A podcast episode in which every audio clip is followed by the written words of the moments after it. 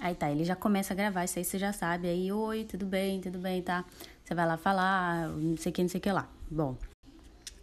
Tá, o colesterol. Ai, eu não lembro, eu fiquei repetindo várias vezes a fala para ver se estava coerente, mas agora eu não lembro mais. Eu queria muito repetir. Mas vamos lá. Para o caso. Ó, 3, 4, 5, 6, tá.